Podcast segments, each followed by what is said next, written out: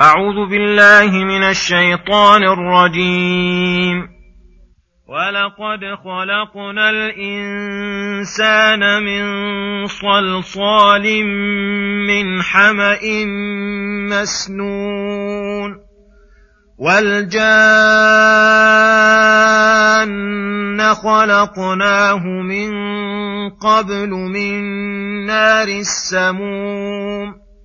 واذ قال ربك للملائكه اني خالق بشرا من صلصال من حما مسنون فاذا سويته ونفخت فيه من روحي فقعوا له ساجدين فسجد الملائكة كلهم أجمعون. إلا إبليس أبى أن يكون مع الساجدين.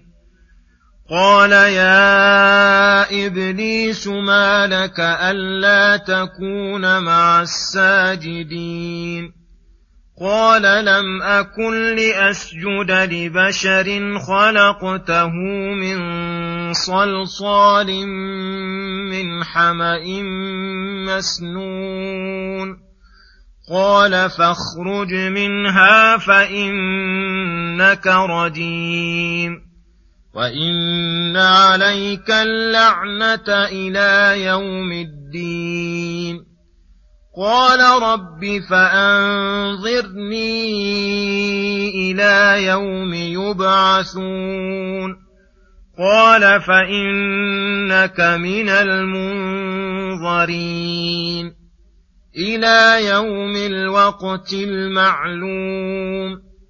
قال رب بما أغويتني لأزينن لهم في الأرض ولأغوينهم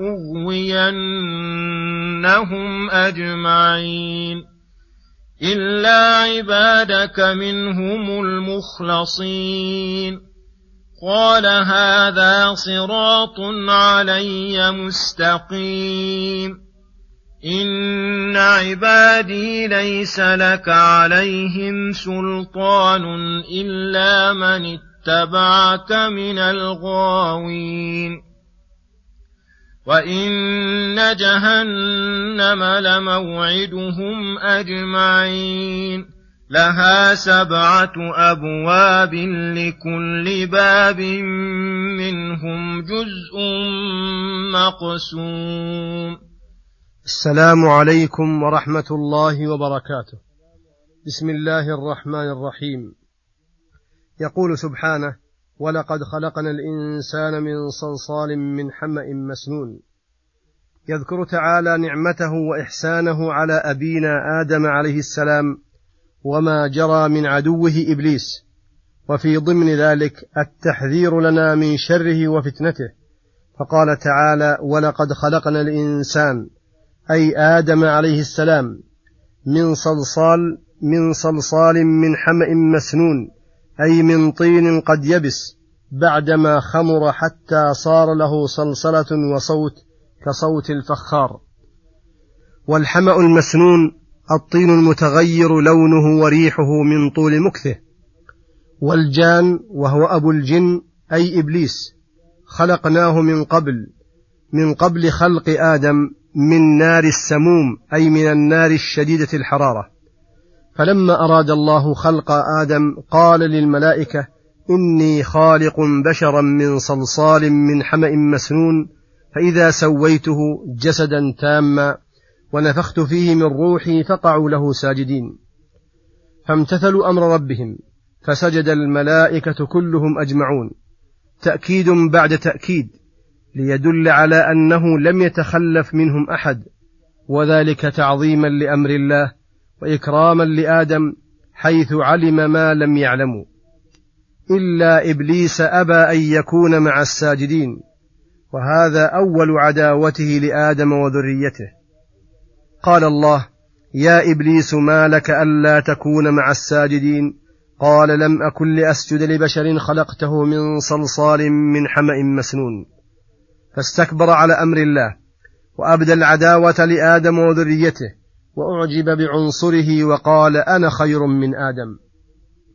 قال الله معاقبا له على كفره واستكباره فاخرج منها فإنك رجيم أي مطرود ومبعد من كل خير وإن عليك اللعنة أي الذم والعيب والبعد عن رحمة الله إلى يوم الدين. ففيها وما أشبهها دليل على أنه سيستمر على كفره وبعده من الخير. قال رب فأنظرني أي أمهلني إلى يوم يبعثون. قال فإنك من المنظرين إلى يوم الوقت المعلوم. وليس إجابة الله لدعائه كرامة في حقه وإنما ذلك امتحان وابتلاء من الله له ولعباده له وللعباد. ليتبين الصادق الذي يطيع مولاه دون عدوه ممن ليس كذلك. ولذلك حذرنا منه غاية التحذير وشرح لنا ما يريده منا. قال رب بما أغويتني لأزينن لهم في الأرض أي أزين لهم الدنيا وأدعوهم إلى إيثارها على الأخرى حتى يكونوا منقادين لكل معصية ولأغوينهم أجمعين. أي أصدهم كلهم عن الصراط المستقيم. إلا عبادك منهم المخلصين. أي الذين أخلصتهم واجتبيتهم لإخلاصهم وإيمانهم وتوكلهم. قال الله تعالى هذا صراط علي مستقيم أي معتدل موصل إلي وإلى دار كرامتي. إن عبادي ليس لك عليهم سلطان تميلهم به إلى ما تشاء من أنواع الضلالات وذلك بسبب عبوديتهم لربهم وانقيادهم لأوامره أعانهم الله وعصمهم من الشيطان.